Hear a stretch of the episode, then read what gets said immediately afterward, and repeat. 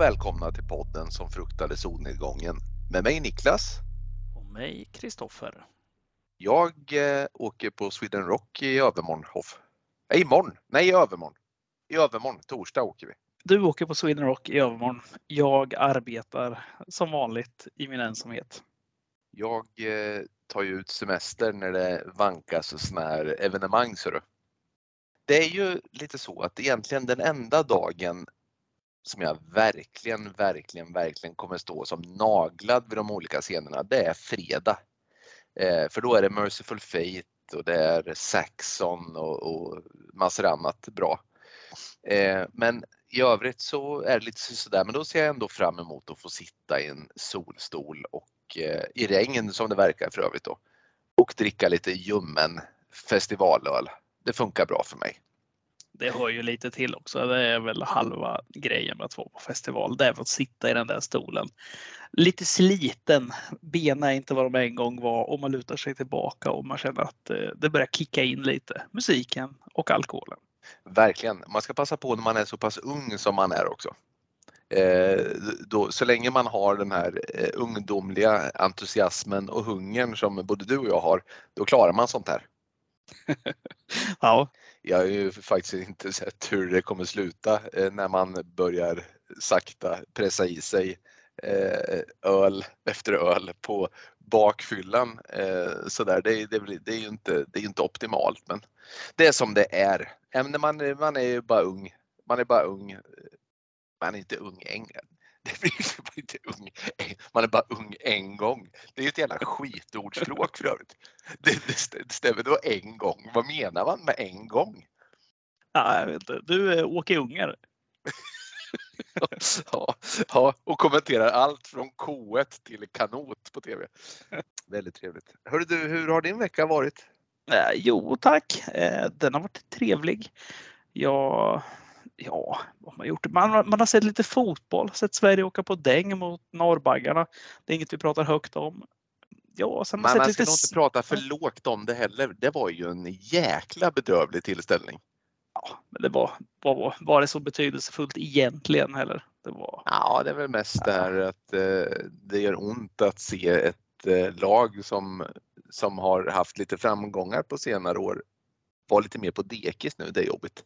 Men det här är ingen ja. fotbollspodd, förlåt, fortsätt. Nej, men eh, vi har, eller vi, jag eh, och min sambo, vi har sett eh, den här fantastiska Vidunder 3. Ja, vi, vi gillar båda Harry Potter och tycker den världen är ball. Sen är de här filmerna, det är som en light-variant, alltså ganska bleka. Nu är det till och med ersatt där Johnny Depp med Mads Mikkelsen som eh, skurken också. Jag vet inte om det spelar någon större roll. Det liksom, man lägger ingen större tanke på den biten. Men nej, det, det, det är ganska tråkig film också. Det, eller ja, det funkar att på, det, men inget man kommer ihåg. Eh, sen har vi sett den här Raised by Wolves-serien, den här sci-fi eh, serien säsong 2 kom ut för ett tag sedan. Tråkigt eftersom vi båda gillar den så när den slutar där med sista avsnitt och är rejäl cliffhanger så öppnar jag telefon och ser att serien läggs ner. Jaha, då har man ju lagt ner de här timmarna i onödan. Får väl hoppas att någon så här showtime eller något plockar upp den igen så att man får någon fortsättning. Jäkla tråkigt det där när serien läggs ner tycker jag. Ja, eh, jag såg ju faktiskt säsong 1, jag har inte sett säsong 2. Jag tyckte det började lovande men sen är det lite sådär, det är som min, liksom, det är mitt, det är mitt, det är någon förbannelse över mig när jag ska titta på serier för jag tappar intresset lite och det gjorde jag även här men den hade sina förtjänster helt klart. Skulle du säga att säsong 2 är bättre än säsong 1? Eh, ja, det beror på vad man gillade i säsong 1 ska jag väl vara ärlig och säga. Men, nej, men jag tycker den håller bra. Den blandar fantasy och sci-fi på ett bra sätt. Jo, eh, Matrix 4, på tal om tråkigheter, den eh, avhandlade jag också under några sena nätter här och eh, ja, det här meta. Det här meta, det är inte kul. De måste släppa det. Det, liksom, det funkade inte i Scream 5 och jag tycker inte det funkar här heller. Den här filmen blir ett jäkla blö den ointressant är det. Jag, jag ser ut som Keanu Reeves ofta gör när jag säger att det är ointressant. Jag har det här ansiktsuttrycket som är helt känslolöst och bara uh. Nej, precis, de har satt en ton och sen så försöker de på något sätt lägga an samma ton på metanivå och sen blir det liksom dubbelmeta och dubbel dubbelkomik. Jag, jag, jag förstår vad du menar. Nu har inte jag sett just Matrix 4. Jag är ingen fan av Matrix faktiskt om jag ska vara helt ärlig. Det, det är inte riktigt min grej. Eh, men eh, det, jag, jag, förstår vad du menar för jag, jag, skydde precis samma saker i exempelvis Scream 5. Så att jag, jag, är med på, jag är med på vad du menar. Och ja. så kan jag tänka mig lite lagom blasé Keanu Reeves också som är trött som Neo. Nej, nog om den. Har du sett något kul? Ja, eh, ja, nu blir det ju lite Star Wars igen då, men jag har ju börjat se den här serien eh, Obi-Wan Kenobi. När Ewan McGregor kommer och eh, så att säga åter, på tal om att återupprepa sig då, men han gör om sin, sin Obi-Wan i den här serien som är lite i samma stil som eh, The Book of, Book of Boba Fett och The Mandalorian.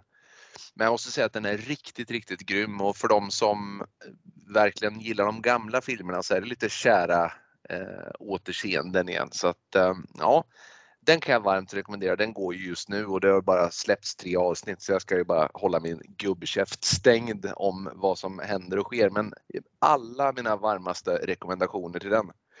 Sen har jag faktiskt sett en komedi. Och nu, eh, nu tappar jag, jag saknar ju creddighet helt och hållet, vilket jag är glad för. Men det, jag har faktiskt sett något så okreddigt som The Internship med, ja men det är en komedi med Vince Vaughn och Eh, Owen Wilson. Har du sett den? Eh, nej, den har jag nog inte sett, men det är väl någon fortsättning på deras bromance de hade efter den här Wedding Crashers antar jag. Att de ja. göra en till bara.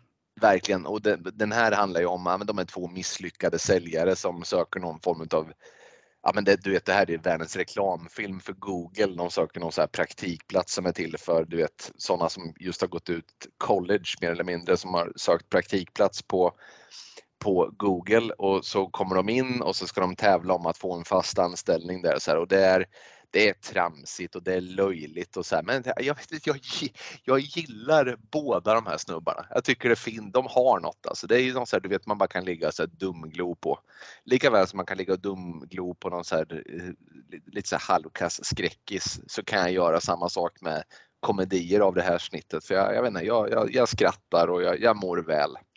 Eh, så det är ungefär vad jag hunnit med och sen såklart eh, dagens film då. Eh, som vi ska ta och komma till.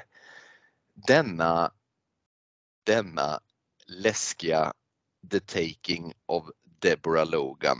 Och jag, jag skulle bara vilja börja med att fråga dig, för det här är ju en, eh, det kommer vi till, men det är ju en klassisk, klassisk found footage film i ordets rätta bemärkelse hur, du hade sett den här eh, tidigare va? Innan vi såg om den inför dagens avsnitt?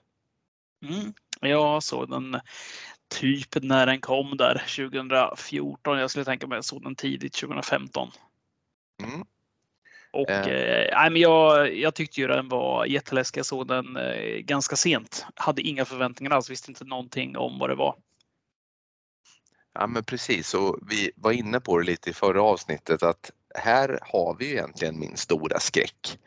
Alltså när vi, när vi pratar om ingredienser eh, för läskiga skräckfilmer i min värld så brukar gamlingar, gamla eh, tanter som är lite sådär lagom eh, undernärda. Jag, jag tycker det är väldigt läskigt och jag har funderat lite grann på var, var, det där kommer ifrån. Och jag har nog landat i, nu är inte det en tant, men det är en utmärglad gestalt på en vind och det är den här, du vet i den här gamla klassiska eh, filmatiseringen utav djurkyrkogården, Stephen Kings djurkyrkogården, så har ju den här mamman då i familjen en ja, lite så här tillbakablickar för en gammal syster som har någon form av ryggmärgsskada och ligger uppe på vinden där eh, och är eh, ohygglig. Och jag, jag, tror där någonstans, där någonstans väcktes denna förfäran i mig för den här typen av ingredienser i skräckfilm. Och, mm, det är Zelda där som ligger i garderoben. Spelad Zelda. av en man för övrigt, väldigt roligt. Jag vet ju det och eh, lite sådär lagom, ja, men du vet jag ju liksom jag har ju sett om den där flera gånger och jag, jag, kommer, liksom inte, jag kommer liksom inte ifrån det faktum att jag, jag är det där är min, en av mina första så här, riktiga skräckupplevelser som verkligen skrämde skiten ur mig på riktigt. Och sen har det kommit liksom, ja, men det har ju kommit lite så här filmer löpande som såklart innehåller någon snarlik gestalt. Och eh, jag vill minnas att eh, Zelda är lite rödlätt i sitt hår eh, precis som eh, kvällens huvudperson Deborah är också.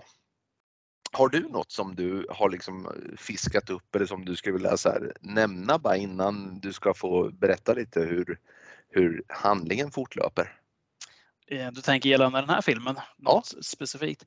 Mm. Nej, inte jättemycket. Alltså det är ju en, det är ju en lågbudgetfilm inspelad på eh, Ja, vad hade de i budget? Runt en och en och en halv miljon dollar. Det är ju inte att jämföra med vissa andra found footage-filmer. Men eh, ja, den, eh, är, i dagens eh, summor så är det ju en rejäl liten slant de haft. Och det, det jag tänkte egentligen vi kunde prata om lite kort här innan bara. Det var egentligen bara found footage just det. Vi, vi nämner ofta alltså genren found footage. Det pratar vi hyfsat ofta om tycker jag ändå i podden utan att vi ser någon sån film. Men vad, vad har du? Har du någon eh, favorit found footage film som ja, sen tidigare? Jo, men jag skulle säga att jag har, alltså, ja, en, den första som måste nämnas det är väl den som, som nu vågar inte jag säga att den faktiskt rent filmhistoriskt är först, men The Blair Witch Project var ju den första jag såg i alla fall. Och fördelarna med den här typen av filmer är ju då att de ganska lätt får till någon så här autentisk och lite så dokumentär känsla som gör att man nästan tror att det har hänt på riktigt. Eh, och det, det är det som är de riktiga fördelarna och sen som du har sagt någon gång också att man kan motivera att de filmar trots alla ohyggligheter som heter eller som händer i filmen. Alltså så att man inte, du vet, att det blir orimligt att de går runt med en kamera utifrån givna förutsättningar. I övrigt så gillar jag ju också, alltså när den första, eh, den första av de här Paranormal Activity kom så tyckte jag också att det var en riktigt bra film om den här familjen som eh, ja, filmar vad som händer nattetid i sitt hem och så vidare. Då. Sett lite mer actionfyllda sådana. Den här Cloverfield när den kom tyckte jag också om. Och så måste jag säga, jag har nämnt det någon gång tidigare, att den här The Visit, M. Night Shyamalan heter han va? Jag tror vi lärde oss det sist. Hans eh, The Visit är ju också en found footage-film Eh, jag minns inte om det är så att den är det hela filmen. Jag tror det nästan. Eller om det bara är ibland. Jag vet i alla fall att de reggar någon form utav eller sätter någon kamera för att filma eh, mormodern där eh, nattetid också i sitt hus.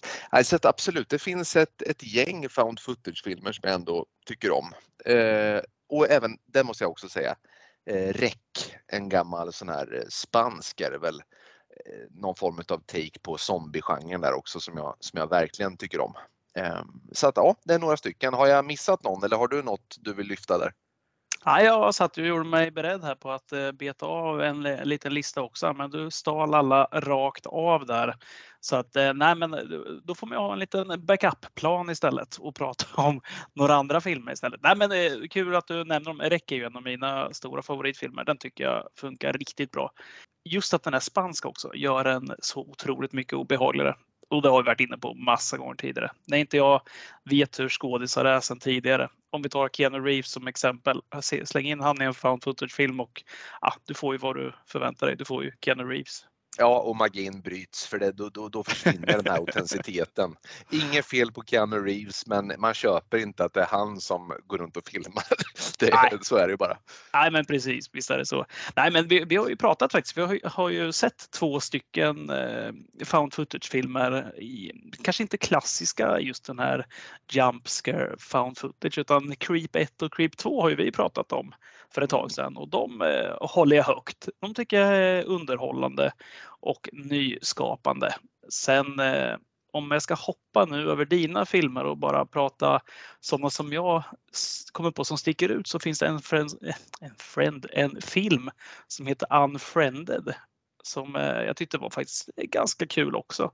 Nu passar den väl ännu bättre än den gjorde då. Den kom 2015 och handlar om ett litet chattrum där folk sitter och ser att det liksom dyker upp en, ja, ni vet ju hur det ser ut nu för tiden, man sitter i sina Teams-möten eller Zoom och så dyker allas bild upp en liten eh, kamera och sen dyker upp en som bara har en stillbild där utan något ansikte givetvis. Och en efter en börjar dö och det är bara filmat via den här gruppchatten. Ah, kul tänk. Faktiskt sett den också. Jag gillar den. Jag tyckte den var riktigt underhållande. Jag tyckte att den tappade lite återigen, det här är ju någon form av, här avslöjar vi saker så, så sluta lyssna om ni är rädda för att jag ska avslöja någonting här nu. Men jag tycker i takt med, eh, och du sa det ju också såklart här nu, att, att de börjar dö, när den börjar bli mindre och mindre subtil, då tappar filmen lite tycker jag. Jag tycker det var betydligt bättre i början när den där jäkla extra personerna där och, och förvirringen som uppstår och så här. Ja, ja, där tycker jag den är riktigt spännande till och med. Eh, sen blir den aldrig tråkig men den, den tappar lite grann och vilket den inte är helt ensam om i skräckgenren. Många gånger de har lite svårt att, att ro hela projektet i land så där kan man tycka och även där då. Ja, så är det. Så är det. Nej, men ska man ta någon annan så här, det, det är kul att bara snöa in på det eftersom det finns så mycket att nämna. Man har sett alldeles för mycket film inser man också när man börjar prata om det. Men en som sticker ut lite, jag vet inte om det är på bra eller om det är bara på ett annorlunda sätt, men det är ju den här man får ju ta det på det språk som låter roligast. Det är ju Trollejägaren. Mm. Den har du sett? Absolut, den norska ja, trollfilmen helt enkelt. Jajamän. Mm. Ja, den var jättebra. Verkligen ja. superbra. Och nu vet inte jag vad de hade för budget, men jag kommer ihåg att jag slogs av hur jäkla snygg den var. Mm.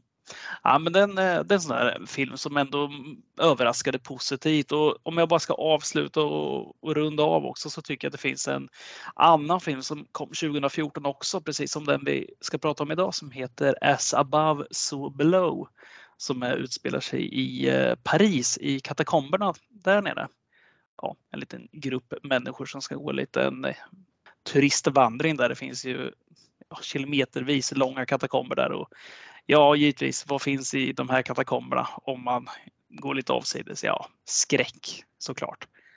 Den, ja, den kan reka. Den har ju faktiskt inte jag sett. Jag ser framsidan framför mig dock i mitt inre. Det är väl Eiffeltornet upp och ner på något sätt. Ja, precis. Eh, och eh, ja, men den där har jag velat se länge men jag har inte kommit med för att göra det. Men ja, den, ska, den ska jag avverka någon gång. Den, eh, den kan du se och eh, se den ganska sent, se den själv. Det är alltid en bra kombo.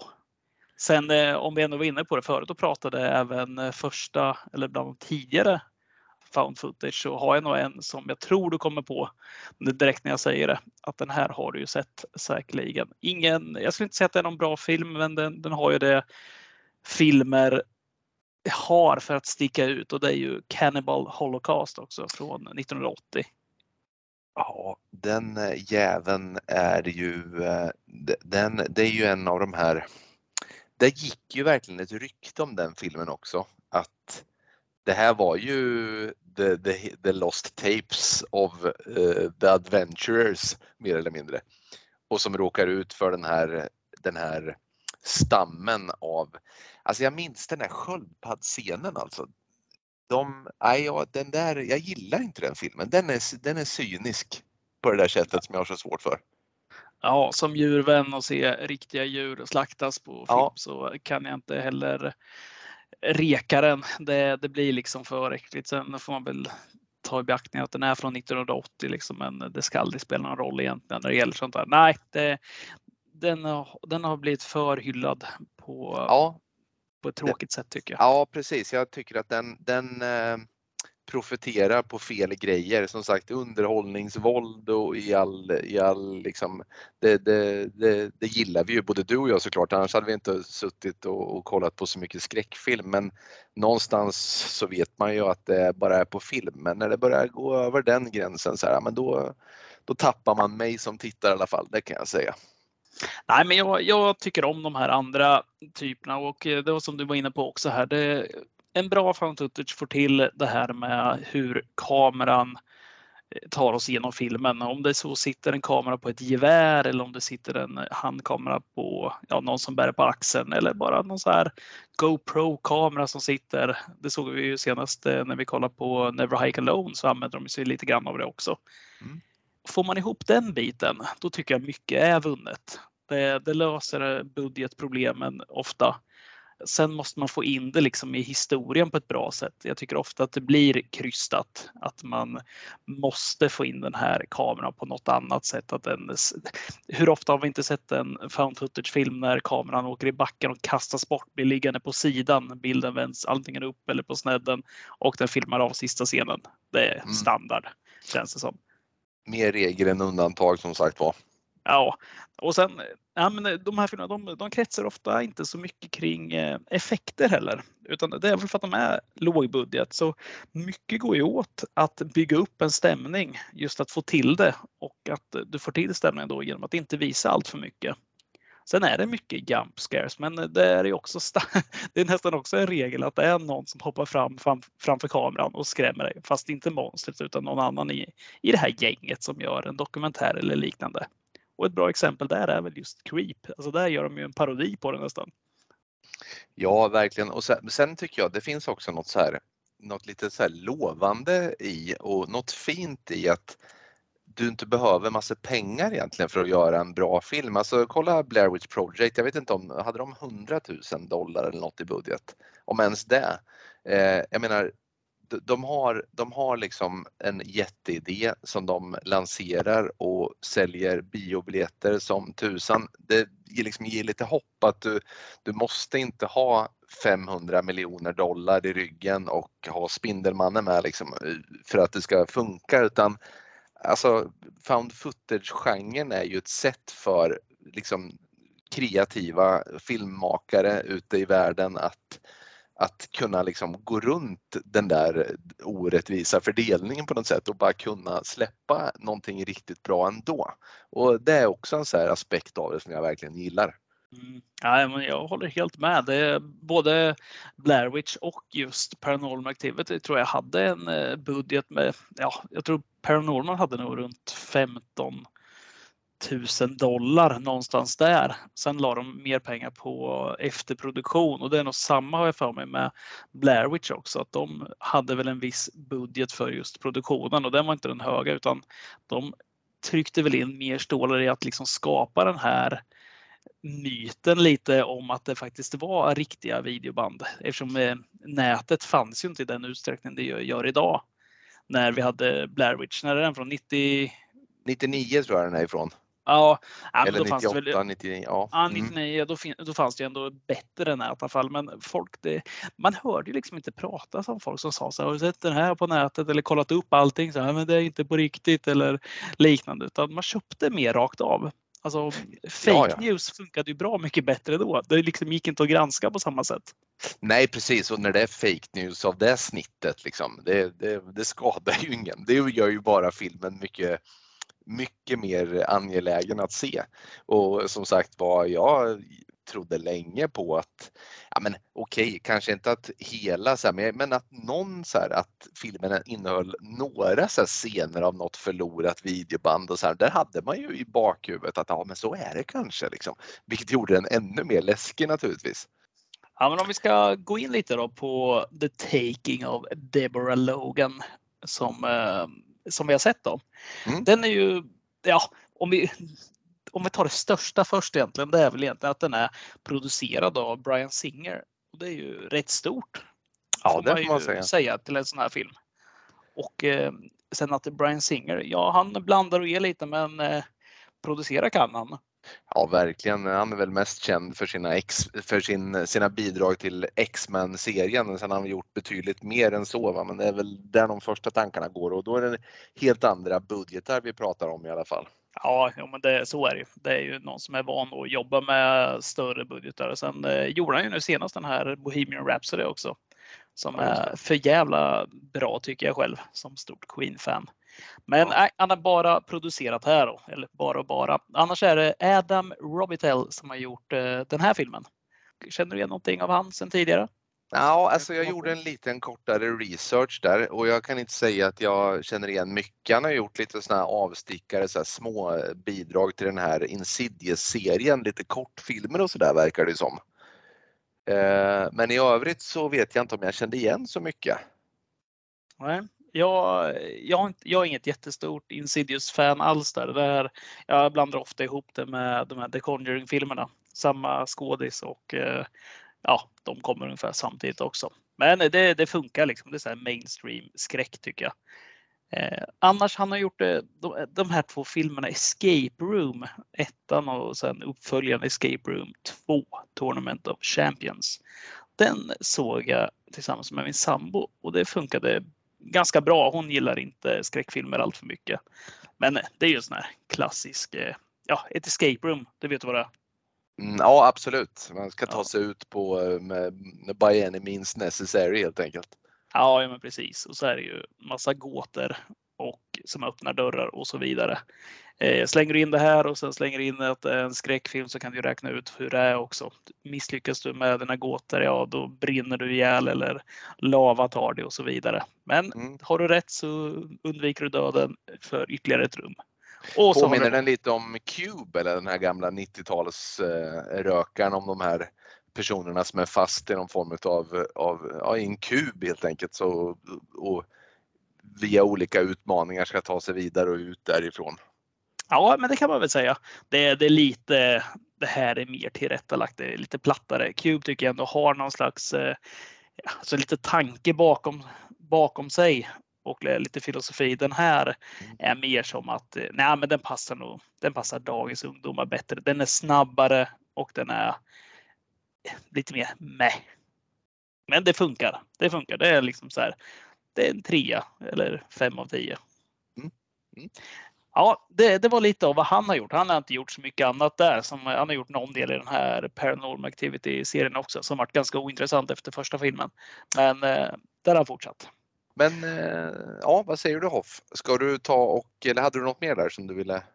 Nej, utan jag tänker att vi kastar oss in egentligen i handlingen och sen mm. pratar vi lite senare om det. Mia, Gavin och Louise är ett team av studenter som jobbar på en dokumentär om Deborah Logan, en äldre kvinna som lider av Alzheimers sjukdom. De flyttar för filmandets skull in i huset där Deborah bor tillsammans med hennes vuxna dotter Sarah. Vid filmandet av hennes dagliga liv börjar Deborah uppvisa allt mer bisarra handlingar som hennes personliga läkare säger är helt normalt för någon med en aggressiv form av Alzheimers.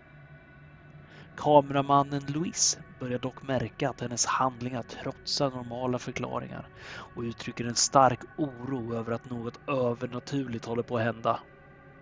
Saker och ting blir mer spända efter att Louise och Gavin spelat in ljud av Deborah som talar franska och pratar om offer och ormar.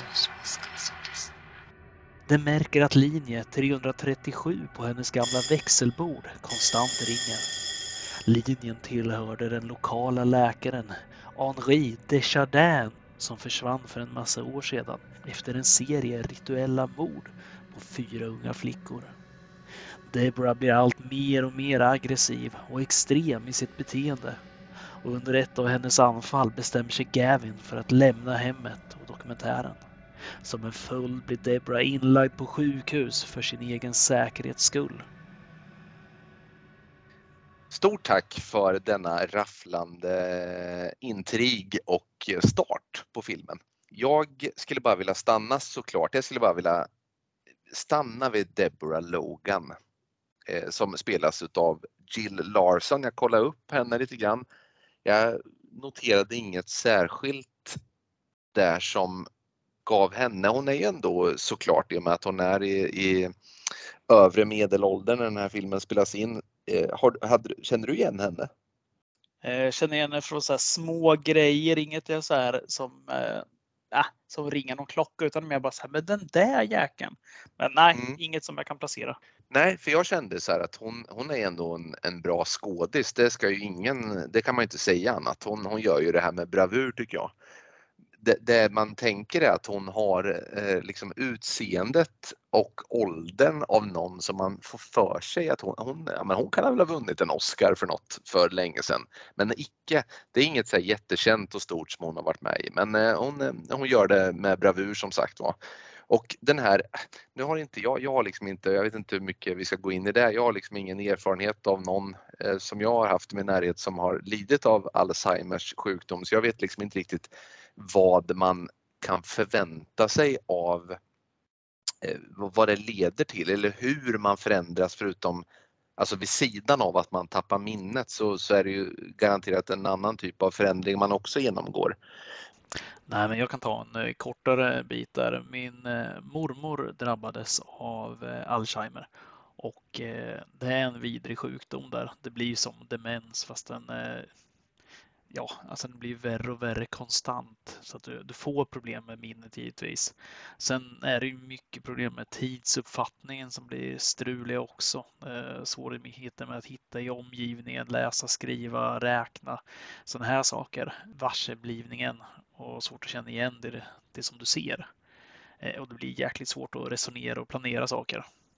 Ja, och sen i det här fallet då, det är klart att det här, det här leder ju vidare såklart i en annan typ av skala eftersom, eh, eftersom man börjar ana att det är någonting annat än bara Alzheimers som spökar i det här fallet då. Men ganska snabbt så skulle man säga, alltså vad har du att säga om Deborah Logan? Har du någonting mer att säga om bara den karaktären? Hur, hur hon eh, axlar rollen som den här kvinnan som sakta bryts ner av sjukdom. Vi kan ta en liten kort bara där. Men jag tycker det precis som du säger så tycker jag också att hon är skitbra i den här rollen. Hon eh, det blir ett ganska naket eh, framträdande. Alltså, hon är naken för vissa också, vilket inte menas som ett skämt, men det blir väldigt ärligt hela hennes porträtt tycker jag som hon gör. Sen tycker jag också liksom att eh, den här relationen hon har med sin dotter som tar hand om henne här, den blir jäkla bra. Det, jag hoppar lite till dottern här, till mm. Sarah som vi får träffa som är den vuxna dottern då, som har flyttat hem för att eh, ta hand om henne. Den relationen är så jäkla bra, för det känner jag verkligen igen så här, när, från, ja, kanske när morsan tog hand om mormor och och så vidare. Det, det, blir ofta döttrar som, som blir de här hjälpande på något sätt. Jag vet inte om det är någon fördom eller bara, men jag tror ofta det blir så. Den tycker jag är sjukt bra i den här filmen också, för den, det lider jag med, med dottern. De säger en gång att Alzheimer är inte, i, det, i filmen säger de det, att Alzheimer inte bara hemsk mot den det drabbar, utan liksom det blir så mycket mer. Det drabbar även de runt dig mest. Och eh, mm. det märks verkligen i den här filmen. Ja, det gör det. Ja, men det är väl en sån klassisk anhörigsjukdom som sagt var. Eh, men eh, ja, sen har vi ju som sagt var det här gänget då med eh, Mia i täten som ska dokumentera hur den här fortlöper då, sjukdomen. Och det övergår ju, du får, du får stoppa om du tycker att jag går för fort fram, men det som händer är att sakta men säkert så, så kan hon få lite sådana här vredesutbrott. Hon eh, glömmer saker såklart, kanske lite mer i linje då med vad man kan förvänta sig av den här Alzheimers sjukdomen. Men sen är det ett litet parti när de börjar ana att hon är ute och stryker runt om natten där de då har bandat henne när hon står i köket. Minns du den här scenen? Hon står i köket vänd in mot ett skåp och sen tjopp så står hon uppe på skänken liksom i köket mm. utan att hon har klättrat upp, utan att hon har tagit någon eh, stol och gått upp eller hoppar eller någonting utan hon står på raka ben på golvet och sen tjopp så står hon uppe på skänken. Och då fick jag så här, för det, är, det, det, det är, förutom då när det är äldre eh, eh, utmärglade personer som agerar på ett sätt som man inte eh, tycker att de bör, så tycker jag också att som bryter mot naturlagarna lite grann. Det kan också vara så här läskigt. Jag tyckte att det var läskigt. Det låter inte läskigt när jag säger att hon helt plötsligt står uppe på skänken, men där och då i filmen tycker jag att det är det första riktigt läskiga som händer. Trots att hon har börjat liksom eh, övergå i någonting annat så, så är det, det skrämmer mig väldigt mycket. Vad, vad, vad, vad säger du om det? Kul att du ville ta upp det. Jag satt och sökte på lite om vad ska jag nämna den här eller inte, men det är kul att vi har olika åsikter. Jag tycker att det här är en sån scen som bryter magin för mig i en sån här film. För jag tycker det kommer för tidigt. Det, annars har jag inga problem med att eh, folk eh, hackar runt eller hoppar runt och teleporteras runt. Men här tycker jag det kommer alldeles för tidigt. Sen gör de för stor grej av det också, att de har tidkoden på kameran som de sitter och kikar på och visar. Det här är fysiskt omöjligt. Hon kan inte. Kolla här på tiden. Och man fattar ju direkt liksom att ja, men, ja, nu ser ni att det här går inte. Nu är det bara sticka. Och där har vi han. Gavin. Är det Louise är det va? Eller är det ja, det är Louise. Det. Som, han köper ju läget direkt att det här är ju skit. Alltså här ska vi inte vara. Och är den enda som liksom förstår vad, det, vad som håller på att hända. Men nej, jag, jag tycker inte det är jätteläskigt. Men det är ju bara kul för man har, vi har ju olika saker som skrämmer oss. Mm. Däremot tycker jag det är otäckt, precis som du var inne på också det här med på natten när hon gör sina äventyr. När hon, eh, dels hon ju, står hon ju med någon spade som hon saknar. Hon letar efter sin, är det en stekspade eller en vanlig spade? Jag kommer inte ja, men hon, men en trädgårdsspade va? Ja, och den står hon och skäller ut eh, en av de här studenterna för att ha tagit mitt i natten. Hon står naken till och med där. Eh, det tycker jag är läskigt. Sen är det även mitt på dagen när hon sitter och gräver i rabatten. Kommer du ihåg det också? Han sitter och testar mm. sin kamera då och zoomar in på henne. Och då sitter hon och är så här i sitt... Eh, ja, men där märker man liksom hur snabbt det går den här Alzheimer-sjukdomen också. Hon sitter och gräver lite och pratar med honom och sen helt plötsligt liksom när hon sitter och gräver så håller hon i en orm istället. Ja, det tyckte jag var otäckt. Så här, ja, nu är jag ja, jävligt ormrädd också. Om du är rädd för gamla tanter så är jag jävligt rädd för ormar. Och mm. det, är väl sånt, det är väl det som är kul också med såna här filmer, med skräckfilm. Att det, eh, det finns liksom något för alla ofta. De, de söker sig fan upp på vad man är rädd för. De vet om det här. Ja, men så, så, är det ju. Det är lite som, det är ju som med komedier. Det går inte att säga vad som är kul för någon annan. Så är det ju. Eh, och jag vill bara säga att jag är fullständigt enig med dig eh, i någonting du sa där. För att jag, jag tycker ju, ja men för mig är det här läskigt för det är fortfarande tillräckligt subtilt. Det är inte det här köttandet i jorden så att naglar bryts och, och eh, ätande av jord och så här, utan det är så subtilt, hon står bara där och det tycker jag i sig är jäkligt läskigt. Men det jag tycker bryter mot magin i övrigt, det är att det går för fort. Alltså det bryter, allt går för fort i den här filmen och det, det är det stora problemet. Alltså vi har den här sjukdomen och jag köper, jag vet ju ingenting om Alzheimers, det kanske går så här fort. Men jag tycker att liksom filmen presenterar ändå ett x antal dagar. Man har ju sett dag 13, dag 20 och så vidare. Men liksom vi, får, vi, får inte, vi får inte känslan av att det är en sjukdom som fortskrider utan vi går liksom ifrån en kvinna som är lite osäker på om hon faktiskt vill vara med överhuvudtaget i den här dokumentären till en, en, en grävande galning. Liksom. Det, det går på en hundradel sekund. Och det är lite av mitt problem med filmen som sådan. Jag hade gärna sett en sån här att, det var, att filmen var längre eller uppdelad i en sån här miniserie där kanske del 1, gör tre delar, del 1 verkligen är en sån här fördjupen i karaktärerna. Vi får lära oss om bakgrund och så vidare. Som en klassisk Stephen King-filmatisering brukar vara. Då första kapitlet är nästan aldrig, det händer inte alls mycket. Det är något eh, man får veta direkt att det är något obehagligt men sen, sen är det bara uppbyggnad. Ja, men eh, precis. Det har vi inte riktigt här. Men att man får, får den här kvinnan som fungerande först och sen att det sakta börjar så här, du vet, Eh, komma lite såna avvikande i beteendet, att de märker att de börjar så glömma saker, att så, här, så, att saker och ting är på plats. För att nu, nu får vi, liksom, det blir ganska tydligt att redan från, från scen 1 när de kommer till den här familjen och ska liksom hälsa på Debra, redan där hade jag nog tagit mitt pick och pack och stuckit för att känslan är ju läbbig redan där liksom det, det, det, ja, ja, ja, ja, det är också något, du sa det liksom att de inte, att de inte drar men de är liksom är, det är som att de har liksom gjort ett liksom avtal i blod för att stanna kvar. Det de eh, gör fel tycker jag det är att de lägger ju egentligen de här studenterna, de eh, ska ju betala. Vi, vi nämner inte i den här texten när vi läser in det, men det, avtalet i sig är ju egentligen att Sarah, då, dottern, hon får ju en slant för att de ska göra den här dokumentären. En bra slant för att det vi får reda på är att det här huset som Deborah hon bor i, det är ju ute för tvångsförsäljning om de inte får in slantar. Ja, alltså exekutiv aktion ja. Ja, så tolkar jag i alla fall att det var. Mm. Ja, men så är det. Mm. Yes. Och där hade de ju nästan behövt åt andra hållet för att det här är ju någonting som borde göra att de vill ha kvar de här studenterna längre liksom. Men eh, nej, de eh, och de här studenterna har ju egentligen inget där att göra. Alltså de, de ska göra sin dokumentär om Alzheimer. Då. Ja, men precis.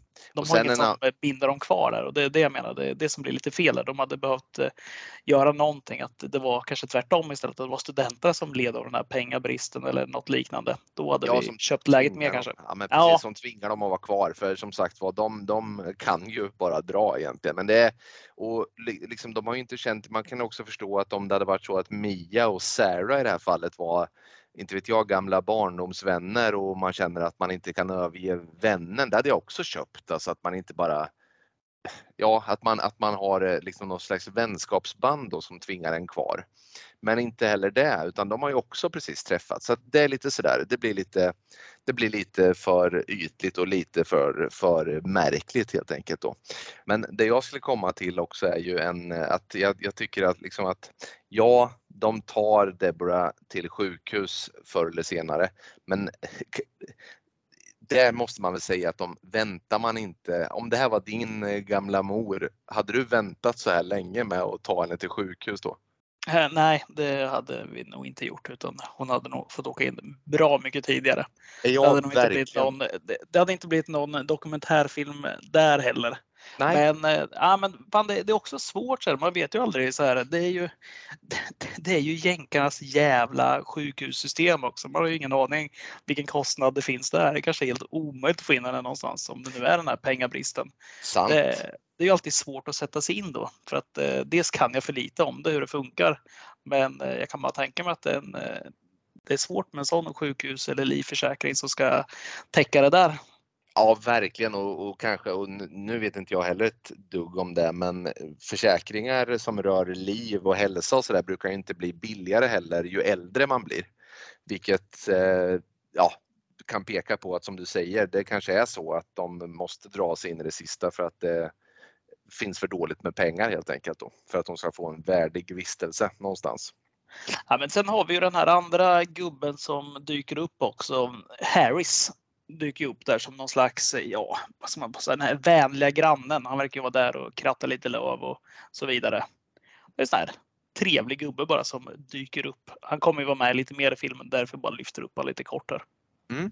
Ja precis, han stryker mest runt ute i, i periferin och han är ju mycket för det här då att Deborah inte ska läggas in på sjukhuset utan att hon ska få ja, men, eh, ja, leva sina sista, eh, sin sista tid i sitt hem och med naturen som omgivning och så vidare och inte ligga i någon dyster eh, sal på ett hospital helt enkelt. Mm. Vad tycker du om det här när det börjar ringa då? När de, eh, när de går upp på vinden och det står den här gamla övergivna, det här gamla övergivna växelbordet. Hon hade ju jobbat som någon slags telefonist eller växeltelefonist då, i sina yngre dagar. När det börjar ringa där och de går upp precis som den gamla telefonväxeln har varit död i åratal och uppenbart så, så ringer den ändå. Och hon sitter och i någon slags eh, mani sitter och, och eh, styr den där apparaturen på nytt. Då. Det tycker jag också var mycket läskigt faktiskt. Alltså Eh. hela det här när man smyger upp på någon. Just där tycker de göra bra. Hela, det- det är det minsta jag har att klaga på faktiskt. Just det här när de smyger med kameran. Det tycker jag är riktigt bra så länge de befinner sig i det här huset. Men när de smyger sig upp för trappor och man vet ju vad som komma skall. Ofta vet man att någon hoppar fram. Men här är det inte så mycket just hoppa fram grejer utan det är Ja, det är Debra som står vid ett fönster som ser förvirrad ut, som bara står och tittar ner i golvet, in i väggar och så vidare. Mm. På ett så här på ett obehagligt frånvarande sätt. Det Mm. tycker jag är det läskiga. För det är liksom så här, du får tolka det som du vill lite. Är hon, ja, vad, är, vad är det som händer liksom? Det är den frågan jag ställer mig hela tiden. Och för mig som inte vet eh, någonting förutom det du berättar nu då om eh, Alzheimer så känns ju de partierna som någonting som, som man eh, ja, köper, alltså att man, att man kan fastna i någon form av sinnesstämning där man blir stående och så vidare. Det känns ju som någonting som skulle kunna hända med via sjukdomar som påverkar hjärnan. Liksom. Så det, känns ju, det känns ju trovärdigt och lite läskigt på samma gång. Ja precis, ja men det är ju det att du fastnar i, kan fastna, glömma bort vad du håller på med. Eller får något så gammalt minne tillbaka helt plötsligt och sätter och gör någonting som du inte har gjort på 40 år. Och så mm. vidare. För att sen stanna igen givetvis. Då. Sen blir det där allt mer tätt.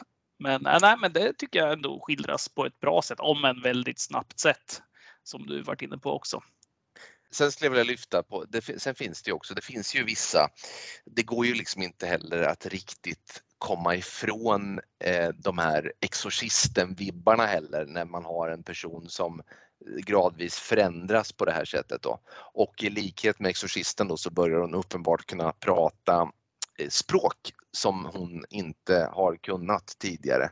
I det här fallet så, så eh, tolkar de det som att det, hon talar franska. Vad tycker du om det här partiet när hon börjar prata för henne främmande språk? Jag tycker alltid om sånt. Jag, oh, jag tycker det är läskigt när folk pratar baklänges eller röster förställs. Någon pratar om saker de inte har någon aning om egentligen. Jag, jag tycker sånt är obehagligt. Mm. Och speciellt också när de gör det med främmande röster. Alltså att de får en röst som för dem borde vara omöjligt. Det är liksom inte rimligt att en eh, ung bräcklig kvinna helt plötsligt börjar prata med en mörk eh, karröst liksom, på ett annat språk. Den kombinationen är alltid väldigt läskig tycker jag. Mm.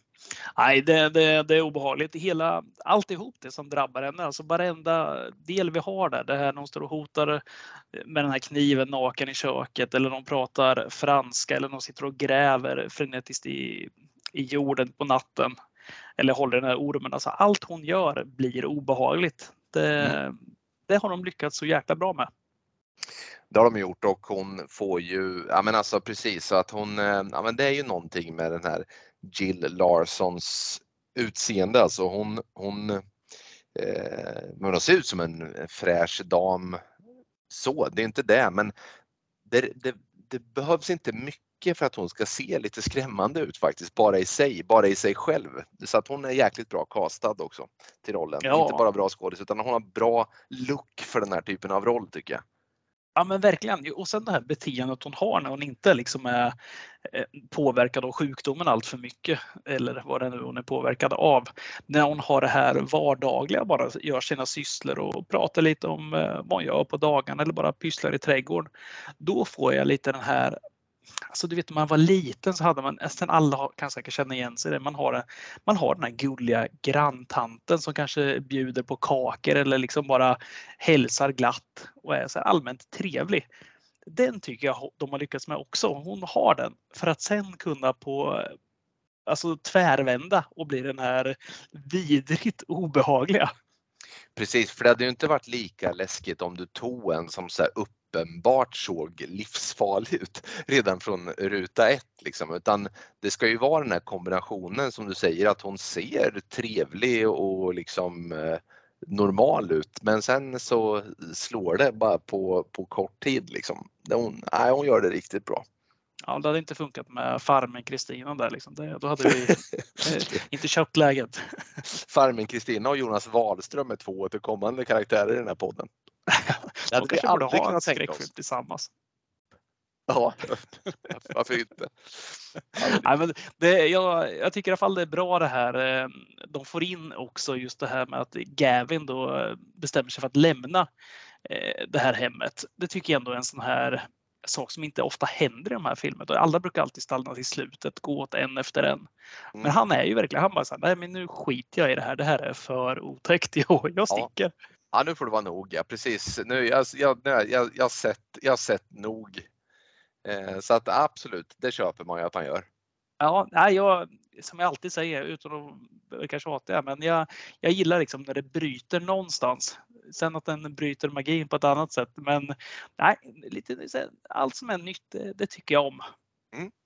Ja men det är bra. Eh, ja, men vad säger du, ska vi ta handlingen vidare? Har du lust att ge oss en liten, eh, liten introduktion, eller på att säga, men en liten fortsättning på den här filmen? De andra upptäcker att Desjardins förmodligen försökt återskapa en gammal indiansk ritual som skulle göra honom odödlig men som också krävde döden av fem flickor som nyligen hade haft sin första mens. På sjukhuset besöker Harris Debras gamla vän henne och hon ber honom att döda henne.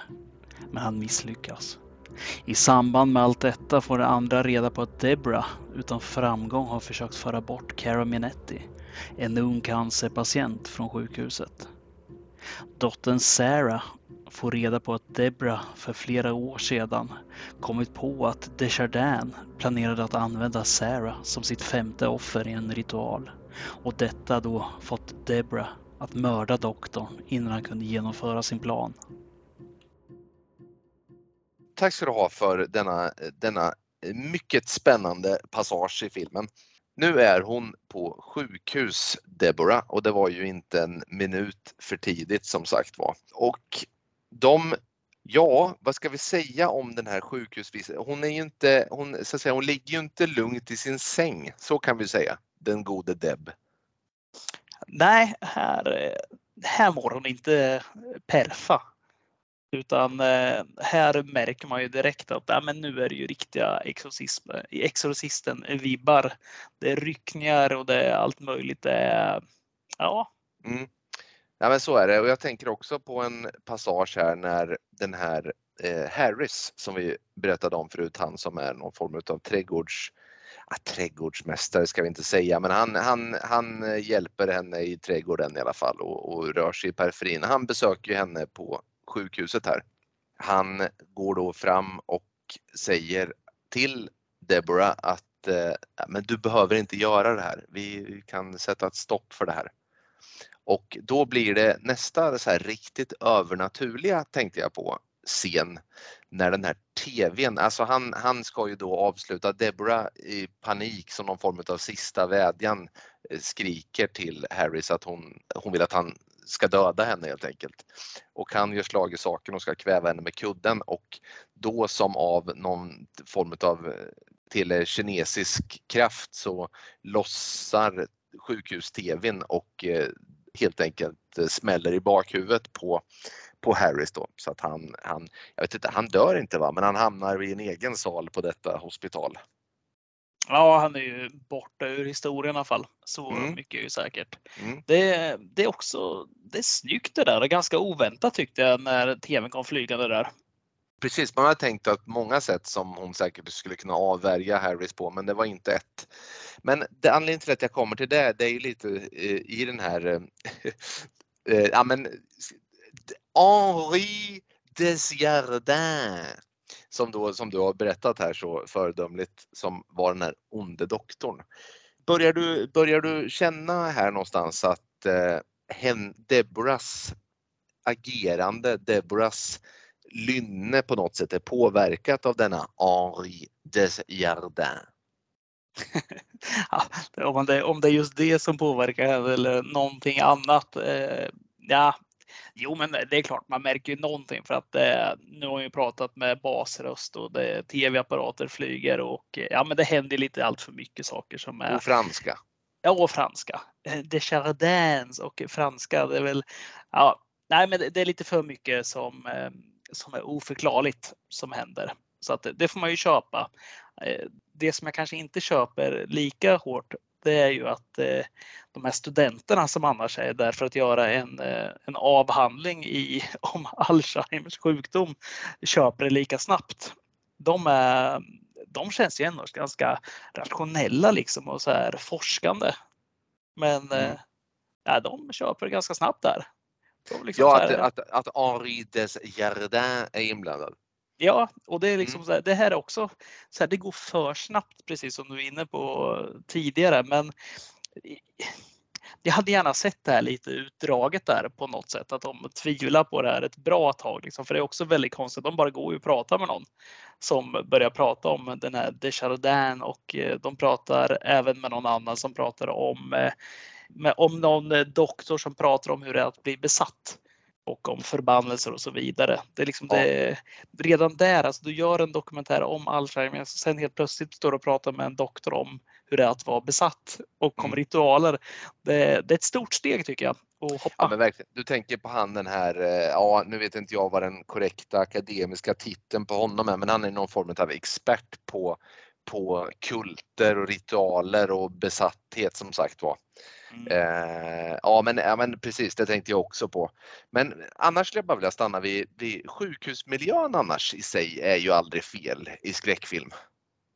Nej, verkligen. Där är det ju. Det är ju alltid obehagligt. Här byter vi också till att inte filma med eh, handkameran som haft tidigare, utan vi får ju mycket filmat via sjukhusets övervakningskamera istället. Precis, mycket, mycket bra grepp. Och där ser vi, det är lite så här läskiga scener då hon sätter sig upp plötsligt och trots att hon är liksom fast fjättrad vid sängen så bara glider hon ur de där bojorna lite lätt. Eh, och sen så, sen är det ju faktiskt ett ganska, där hade man nästan kunnat göra någonting mer med. Men eh, det här med att Deborah då lyckas eh, snärja eh, den här eh, Cara Minetti, den här lilla flickan. Det går också lite fort Alltså, det går väldigt fort från det att hon är borta tills föräldrarna eh, upptäcker att deras dotter är borta tills de hittar sin dotter. Liksom, man hade kunnat, det finns potential där tycker jag som man hade kunnat göra någonting mer med men det går så jäkla fort återigen. Det är så mycket de vill berätta på så kort tid. Ja, håller helt med dig. Jag tycker också liksom att vi får ingen inblick i vem den här Cara Minetti är. Sen kanske inte hennes karaktär är särskilt eh, djup någonstans utan eh, vi, vi förstår väl ungefär vad, varför hon är ute efter den här. Men eh, jag tycker ändå liksom att vi någon lite mer hade vi väl kunnat få på det. Ja precis, ja, men alltså, det är klart. Vi, vi vet att den här Desjardins är någon form utav, men han var ju någon hisklig, liksom, han, han, eh, han rövar ju bort barn och så vidare. Man förstår att om han på något sätt är i Deborah så är det klart att det ligger i linje med det beteendet. Men hade man, skulle man gjort något lite mer spännande så kanske att det inte ens finns möjlighet att ha med, alltså det, som sagt det blir, det blir det blir ingenting av det, det faller ganska platt trots att det känns liksom som en ändå angelägen scen. Men eh, jag, jag, gillar ändå det här att man att de via sjukhuskamerorna kan följa eh, Deborah och den här lilla flickan eh, när de sveper fram i sjukhuset och glider in i andra salar och så här. Det är ett jäkligt, eh, det är ett jäkligt eh, bra recept på en, på en skräckfilm. Mm, och det känns inte påtvingat heller eller konstigt där. Det är väl kanske för att vi ser de sitter, de här studenterna sitter fortfarande med sin handkamera och filmar när eh, de sitter med de här andra och kollar på övervakningskamerorna. Mm. Det, det, blir en ganska bra övergång där utan att det känns som eh, ah, här har ni skohornet bara för att kunna filma liksom. Hur ska vi få in en kamera? Och sjukhus är väl ändå en sån, en av de få miljöer som vi vet liksom att här filmas det. Ja, ja, verkligen. Och, och, det är klart att hade det här hänt på riktigt, att någon patient hade försvunnit, då känns det väl som jäkligt rimligt att man kollar övervakningskamerorna för att få någon bild av vad som har hänt. Det, det, det, är, liksom, det är ju inte skohorn utan det känns ju ytterst rimligt bara. Mm. Sen det, om man bara lämnar det för att det, ja, de hittar ju de här, de hittar ju Cara, den här lilla flickan tillsammans med Debra. De står inne i något, någon återvändsgränd där och står och stirrar in i väggen egentligen. Just det. Just det. det är också så här otäckt för att eh, där känns det ju som att den här besattheten hon har, Debra, och den här sjukdomen, alltså de, eh, de går inte riktigt hand i hand. Det känns som att hon liksom, nej, jag kommer inte längre, jag kom av mig lite här. Ja men precis. Och det, och det är ju också eh, någon så här, men det är en liten så här förtjänst i filmen tycker jag att den, det är ju inte helt liksom, för att vad, vad jag förstår så Alzheimer har hon ju. De, de kan ju liksom de, de gör ju skanningar och tar prover och så vidare på henne och hon har ju diagnosen Alzheimer. Det är bara att hon på det också tycks ha något annat som, som hon inte kan bli av med.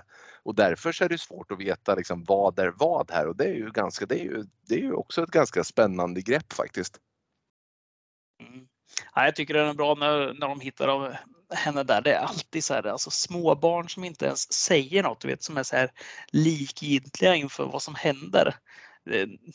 nu är hon inne i någon så här grav cancerbehandling, den här unga flickan då som kanske är eller trött eller liknande eller hög Mm. på någonting. Vilket blir också väldigt otäckt. Alltså vi har den här gamla tanten och vi har den här unga tjejen. Den kombon blir väldigt läskig. Verkligen och lika så här eh, sjuka på något sätt. Eh, på något sätt så motsvarar de varandra i hälsa liksom, när de går, på något sätt. Trots att det är så stor åldersskillnad så att ja, men det, det, ja, det är lite läskigt faktiskt. Ja, om vi bara tar, lämnar sjukan där och bara pratar om såna här delar. Vi har ju den här Desjardins. Men, nej, men stopp, menar, du menar, menar du alltså Henri Desjardins? Eh, precis han jag menar. Bara så att, jag, så att jag inte blandar ihop. Nej, det är väldigt lätt att blanda bort dem här för det, det här uttalet vi har har vi endast på det franska. Le français. Mm. Nej, men det, det man gillar, det, jag- det, man, det jag gillar mycket. Jag vet inte vad det är, men jag gillar när det kommer såna här grejer som jag vet att du också gör med såna här alltså gamla ritualer och liknande saker som, eh, som någon har hållit på med. Jag tycker om sånt. Jag, jag tycker om när någon sitter och berättar om det. Hur otroligt det än låter så ja, jag vet inte, jag gillar det varje gång. Jag, jag tror att det är just det här när man tar det här gravallvarliga så här, med en sån här psykisk sjukdom och, och en tant som far illa. Liksom. Helt plötsligt kommer en sån här grej. Jag tycker liksom det bryter av på ett schysst sätt. jag är alltid, jag är alltid väldigt för den där typen av ingångar i film. Alltså att ja, men, ritualer, sällskap eh, det- det- Ja, alltså ja, alltid, alltid ett plus när sånt är med. Och eh, det- det är ju, där är gärna fått, återigen, filmen är 1.30. Det är väldigt mycket de ska ha sagt på väldigt kort tid. Det här får inte heller sådär jättestor, vad Desjardins faktiskt höll på med eh, och, och den här kulten liksom. Vi får inte veta jättemycket men det lilla så här, det lilla som ändå avhandlar det, det tycker jag det är bara plus. Men nu ska vi göra så att jag eh, fortsätter och eh, läser upp finalen för oss. Kör och så får vi se vart vi landar. Gruppen förstår nu att Deborah har blivit besatt. De hittar Desjardins kvarlevor på tomten och försöker bränna dem, men misslyckas. Deborah lyckas föra bort den unga flickan Cara och ta henne till platsen där Desjardins dödat sina tidigare offer. Efter att ha upptäckt att Deborah gått in i en gruva följer den lokala sheriffen Linda Tweed efter och i gruvans mörker går sheriffen döden till mötes. Sarah och Mia hittar Deborah när hon försöker svälja Caras huvud på ett ormliknande sätt. Och lyckas därefter bränna Desjardins lik. Filmen klipper sedan till nyhetsfilmer av reportrar som säger att Debra ansågs olämplig att ställas inför rätta för sina brott och bortförandet av Cara. Hennes hälsa hade försämrats snabbt under månaderna efter dessa händelser. Cara har övervunnit sin cancer och firar sin tioårsdag. När reporten börjar avsluta historien vänder sig Cara mot kameran och ger ett ondskefullt leende och antyder att Desjardins ritual var avslutad och han nu har kontroll över hennes kropp. Ja, tack så hemskt mycket. Mycket, eh, mycket spännande och eh, rafflande så här mot slutet av filmen. Jag skulle bara vilja börja med när de då hittar Desjardins. De letar ju efter Desjardins kvarlevor och hittar en eh, tom yta på tomten där man då får klart för sig att Deborah har varit där först. Och då ser de när de de får det låta som att det är en tredje, men jag tror att det handlar om att det är det här kamerateamet som inte har noterat att det finns en tredje våning på det här huset, en vindslucka upp på en, på en vind då som har missfärgats av något. Klättrar upp och öppnar denna lucka och eh, möts då av en, en mycket äcklig lukt eh, av död och förintelse misstänker jag. Och eh, där har vi då Desjardins kvarlevor som då legat på vinden. Vad tycker du om det partiet? Det är mycket obehagligt. Dels att det är på natten och det här grävandet är ju alltid obehagligt. Man sitter ju bara och väntar på att någonting ska hoppa på dem just där. Nu när de fortfarande är ute på tomten tänker jag. Då tänker man att nu kommer ju Deborah här och, och är fullt eh, 100% besatt. Full-blown besatt. Men eh, nej, det händer ju inte så mycket där utan det är ju som sagt när de går upp på vinden och sen tar fram den här påsen där. Den här gamla äckliga påsen och det väller ut ormar ur den. Mm. Usch. Ja, det, det är mycket, mycket, mycket äckligt. Alltså, jag som är ormrädd, dels det är mitt i natten, det är några jävla kvarlevor av någon gammal fransk doktor. Bara det är vidrigt. Fransoser är ju obehagliga överlag. Eh, och sen att eh, det är så här, ja, men du vet, så här, liten yta, man sitter på huk och så släpps det ut massa ormar. Alltså jag får panik bara där. Ja, nej precis. Ja, det är mycket, mycket äckligt faktiskt. Och samtidigt som detta sker då så har man ju sett på sjukhus eh, övervakningskameran igen att eh, nu har ju Deborah och den här lilla flickan eh, Cara då getts ut i nattens mörker. Eh, och man vet inte vart de är heller och ett pådrag eh, ger sig ut. Så att det är lite så här parallella läskigheter här som, som går eh, sida vid sida mot slutet. Ska vi ta oss till gruvan där när de anländer? Ska mm. vi prata lite om det? För att då har vi den här polisen eller sheriffen, det är alltid de här lantis-sherifferna. Här är det mm. ju en kvinna, Linda mm. Tweed, som dyker upp tillsammans med sin kollega Mm. Lite sina två kollegor tror jag till och med där va? Som eh, går fram. De här kollegorna är ju de som går fram och ska ta. De ser ju Deborah stå här tillsammans med den här eh, Cara flickan och eh, påbörjar sätta på handbojor. Här blir det ju ganska äckligt där för hon. Man tror att Deborah är i sitt eh, dåliga Alzheimer-tillstånd där hon står och tittar ner i backen lite och ser förvirrad ut. Ser lite arg ut men förvirrad. Och sen helt plötsligt så böjer hon liksom huvudet lite bakåt. Jag, där tänkte jag nu kommer en dansk skalle här mm. till polisen, vilket jag kände så här, nej, det här bryter ju helt mot allting. Knäcker nacken på sig själv om man gör det, men mm. istället loskar hon där. Och det är ju också så här, ja, men lite som en så här gammal tant, dement tant skulle kunna göra. Men här har vi något där med alla ormar som vi har sett innan i, i filmen. Alla hintar om det. Att här, hon spottar ju någonting som något bränner något överjävligt och förblindar den här andra snuten då som håller på att sätta på handbojorna. Ormen är ganska central i den här filmen och, och hon på något sätt Ja, mycket pekar mot ormarna och här får man ju lite så här spottkobre-vibbar ju när hon lägger huvudet bakåt och, och sen spottar det här som sagt som han går ju ner i backen den här polisen naturligtvis. Eh, och sen försvinner de ner i gruvans mörker som sagt var. Eh, ja, men det, är en, det är en läskig scen, absolut. Och, ja, men du, och sen, sen ska vi, vi kan vi inte hålla oss på halster längre. Vad, vad säger du om den här scenen egentligen där hon återigen då följer ormens attribut, om då inte en kobra utan någon mer så att säga pytonorms eh, vet jag, karaktär. Ja, fy fan säger jag bara. Jag såg den här. Jag har ju sett den tidigare, men jag såg om den nu. Då var klockan halv ett. Jag låg och kollade på paddan faktiskt i sängen eh, med min son sovande bredvid mig. Och, och, alltså det, det är obehagligt. Sådana här filmer funkar faktiskt att se på en padda till och med. Men när de filmar med den här handkameran i mörkret går omkring där sakta men säkert framåt i gruvan och kollar runt hörn och så de ja, de, de sneddar runt det här hörnet med en revolver i handen och man bara ser den här gamla tanten stå där och ja, hon liksom sultar i sig den här lilla flickan. Alltså som är, hennes käkar är uppspärrade som en orm. Det finns mm. liksom inga mungipor kvar. De är så uttända. Och så halvvägs över huvudet. Liksom. Det är mitt i det här bäckmörkret också. Mm.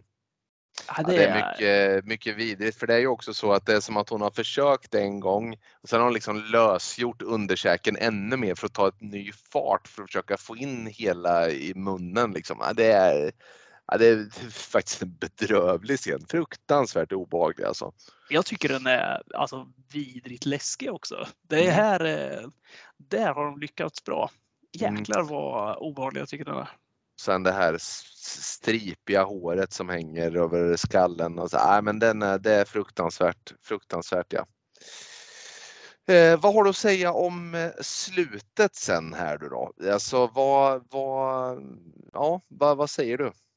Ja, men efter det att hon har blivit, eh, ja, hon blir skjuten där så att eh, hon släpper den här lilla flickan och de bränner ju eh, kvarlevorna. Och sen eh, klipps det ju till den här reporten som står och pratar med den här familjen till Cara om att hon har övervunnit sin cancer, firar sin tioårsdag. Alltså jag, jag, jag gillar sånt där. Jag, jag tycker om det. det är, jag vill inte ha ett slut som förklarar allting för mig. Jag vill ha, jag vill ha fri tolkning. Och jag tycker det är bra. Jag, man vet inte. Har, har den där tjejen någonting? Hon ger ju egentligen bara ett litet leende.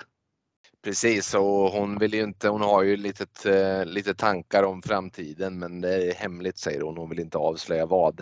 Eh, nej men precis, det är inga givna, det är liksom inga givna men indikationen är väl så att Henri eh, Desjardins kanske rent av har eh, på något sätt intagit den här lilla flickan. Då. Det var min känsla i alla fall.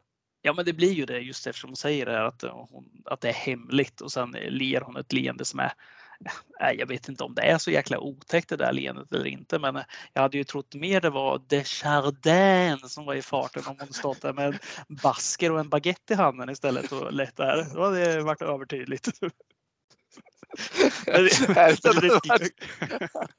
ja, precis. Jag ska äta crepes. Vive la France! ja, ja, det är klart. Då hade han röjt sig själv, den gode Henri Desjardins. Nej, men jag tycker liksom att det, det är bra. Jag, man vill inte få det serverat. Alltså, någonstans måste man väl få tänka lite själv när man ser en sån här ja, film. Den här typen inget, av film ska det inte serveras någonting alls i. Verkligen. Nej, och, nej men det, det gillar jag. Jag tycker liksom sånt slut funkar bra. Jag tycker det är ganska schysst också att de klipper så snabbt från det här att eh, de har bränt upp kroppen och skjutit eh, Debra. Mm. Det är liksom eh, det, det, är inga krusiduller där inte. De går inte fram och kollar läget och så här. Alltså på, det, det gör de ju, men eh, det är inget vi får se. Nej, Nej men precis. Inte behövs heller. Det, det, är bara skönt att så här, eftersom filmen går i det här tempot som den ändå gör. Då hade det nästan bara blivit konstigt och utdraget om vi helt plötsligt skulle få det förklarat. Mm. Ja, men helt enig. Ja. Helt enig. Har du något slutord du vill säga om den här? För jag tycker väl ändå att vi har eh, avhandlat mycket. Eh, vill du säga något mer eller vill du gå rakt på ett betyg?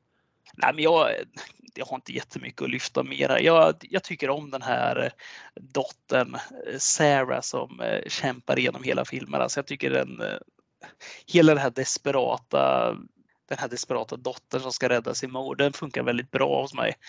Sen just det här att hon är den här butchiga pojkflickan, att hon berättar ju någon gång att eh, eh Debra hade skickat iväg henne på något så här litet eh, vad var det något, internatskola för att hon hade hittat dottern med en annan tjej ute i garaget och de hade väl kyssts lite oskyldigt. De var alldeles för liten.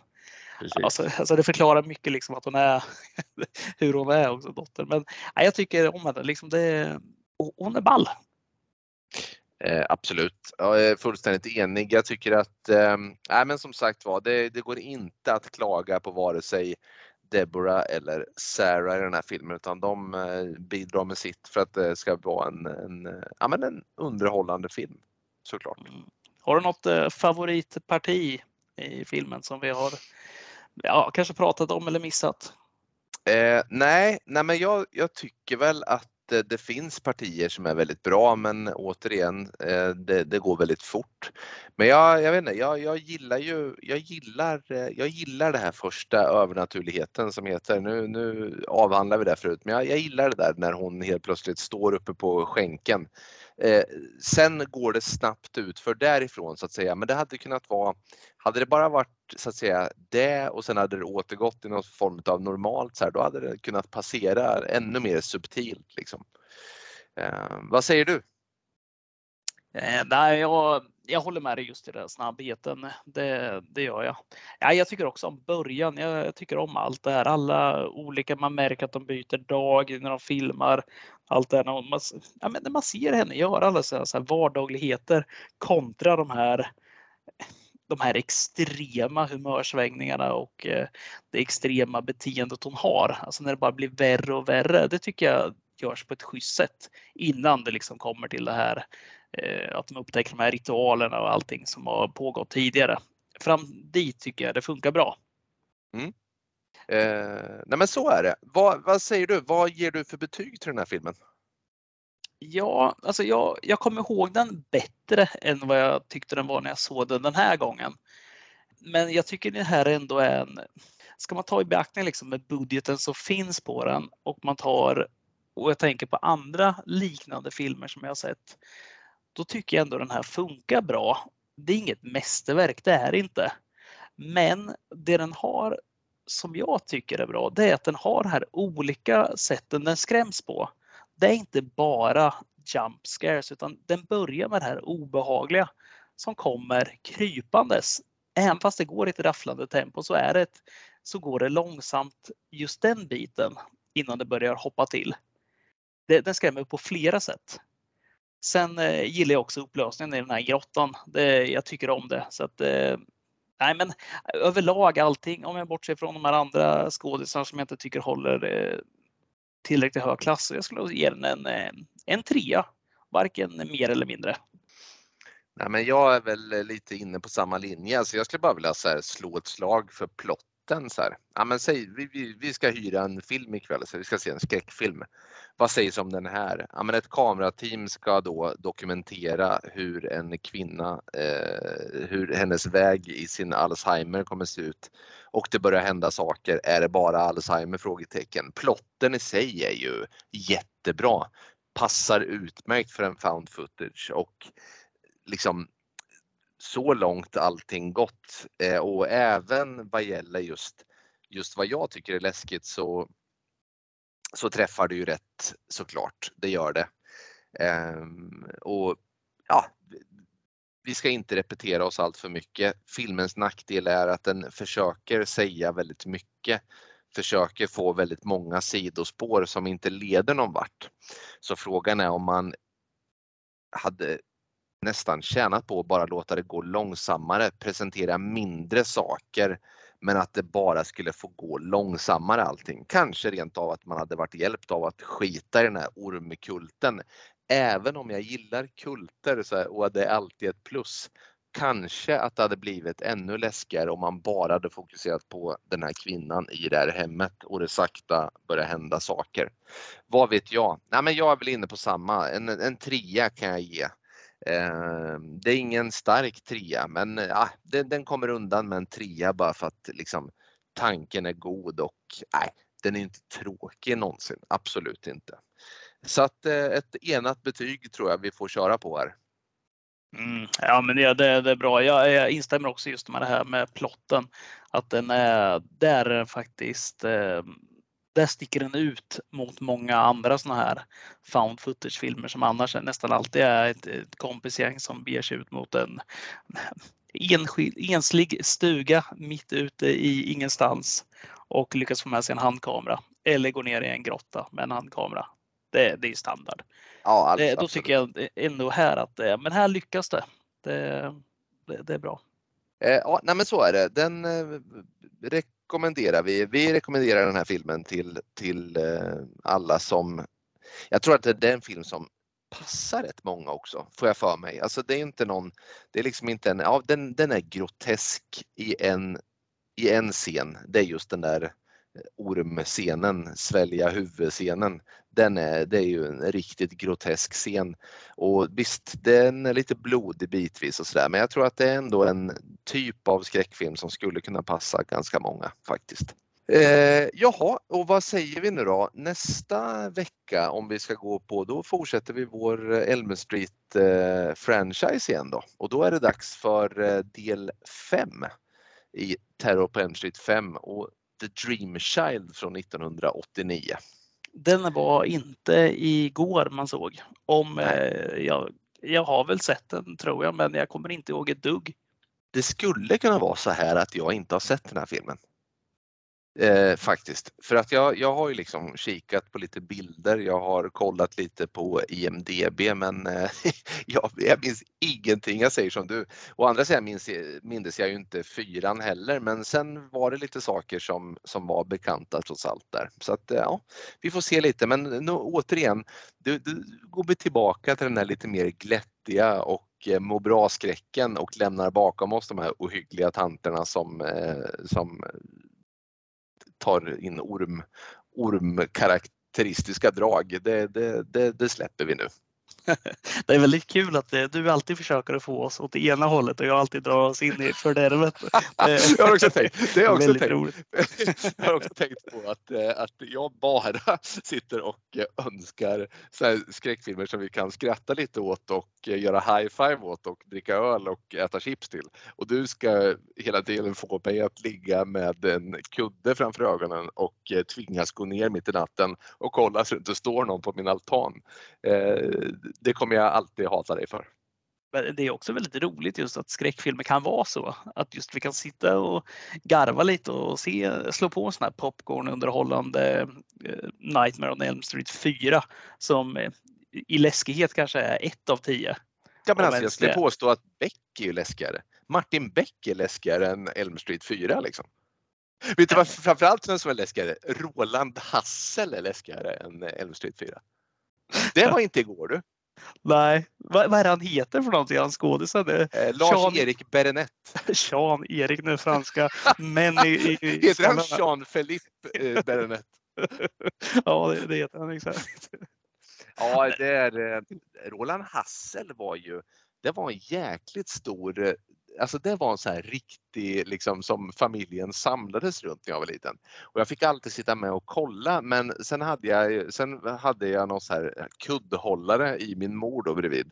Så att jag liksom fick ju aldrig, jag fick liksom bara känna av att nu blir det läskigt men jag såg aldrig någonting läskigt eftersom jag hade en, en kudde i huvudet istället. det där fick man göra många gånger. Men kom det inte ganska många filmer? Alltså så här jäkligt snabbt med det där? Ja, Precis, men det var väl lite liksom, ja men Beck går ju längre tillbaka, det vet jag också, men innan de här verkligen så börjar liksom du vet bara spruta ut Beck-filmer så kändes det som att Hassel var lite den innan Beck och innan Wallander, de här som kom ja, men så direkt till videohyllan polisfilmer liksom. Ja, ja men det måste varit 80-talet, sent 80-tal där. Men mm. typ när på, som Nightmare on Elm Street, alltså de vi har gått igenom nu sista. Och sen, eh, men du, fan, visst kom det jag har för mig att jag hade så här, någon Kamratposten-tidning. Länge jag hade den för övrigt. Men eh, då tror jag det kom något så här att det var han, en av hans, Lars-Erik eh, Brenets sista filmer. Måste ha varit så här runt så här 90-tal, alltså eller 20-tal mm. kanske till och med. Mm. Eh, men sen kom det inte med Ola Rapace också? Eh, jo, det kan det mycket väl ha gjort. Vet du vad, jag sitter as we speak nu Eh, det intressanta här är att vi drar den här liknelsen då, eh, Elm Street 4, eller förlåt, Elm Street 5 som vi ska se nu, eh, Dreamchild, den är från 89 som vi konstaterar. Och 1989 så, så kom det alltså fyra stycken Hasselfilmer samma år. sjukt det, det är helt sjukt ändå. Det är alltså Slavhandlarna, Offren, Säkra papper och Terrorns finger. Alla tv-filmer från 1989. Sen kom Privatspanarna 2012, precis som du är inne på lite senare där då. Det var väl med, var inte Regina Lund med och allt möjligt sådär? Säkert. För övrigt, Säkra papper, är det det svagaste namnet eller titel på en eh, så här, kriminalfilm man har hört? vet du vad jag tänker på? Jag tänker på den där förbannade, eh, eh, du vet, Jack Ryan. Det känns ju som att ja, men du vet, allt han gör är att sitta och gapar i telefonen och vänder säkra papper. Det är, det är, det är bedrövligt faktiskt. ja, riktigt så. Nej, men du, alltså Ola Rapace som Hassel, herregud vilket Ja, nej, det, det, det, funkar inte. Vad hade Hassel för, alltså om vi nu tillåter oss bara stanna lite till i Roland Hassel och jämför honom med Martin Beck och Wallander. Liksom, vad skiljer de här tre konstaplarna varandra egentligen åt? Är inte Hassel lite hårdare? Alltså åt det hårdare laget? Är inte han sån här som ganska stenhård snut? Ja, det är han kanske. Visst, jag tänker mig också att han har en väldigt kort jacka som alltid är uppknäppt ända upp till halsen också. Någon skinnjacka som han springer omkring i. Ja, ja. Absolut. Och den kan jag tänka mig att han också hade 2012, även om, om den liksom tillhörde 1989 mer. Ja, sen har han ett så här, eh, alltså just när det är Lars-Erik som eh, spelar Hassel, då har han ju en så här frilla också som det inte finns några produkter i. Det är, den är bara, det, det, det är sån här, om han, om han har en fleecetröja på sig och sen drar upp den, du vet, då är det så tunnhårig så att håret står åt alla håll också. Så har han den här 70-tals porrmustaschen också. Ja. Nej, Ja, eh, det kommer blir in inga fler Hassel. Hasselfilmer med Lars-Erik Bernett i alla fall. Han dog 2017. Eh, ser jag här. Vila i frid, Lars-Erik. Men du, eh, vad har du att säga eh, som avslutning? nej, men gör inte som eh, Lars-Erik. Eh, ställ in kryddorna i kylen. Och eh, ska vi gå någonstans efteråt? Ja, det ska vi. Du och jag tar varandra i handen och öppnar dörren och tillsammans går vi rakt ut i natten och försvinner i nattens mörker.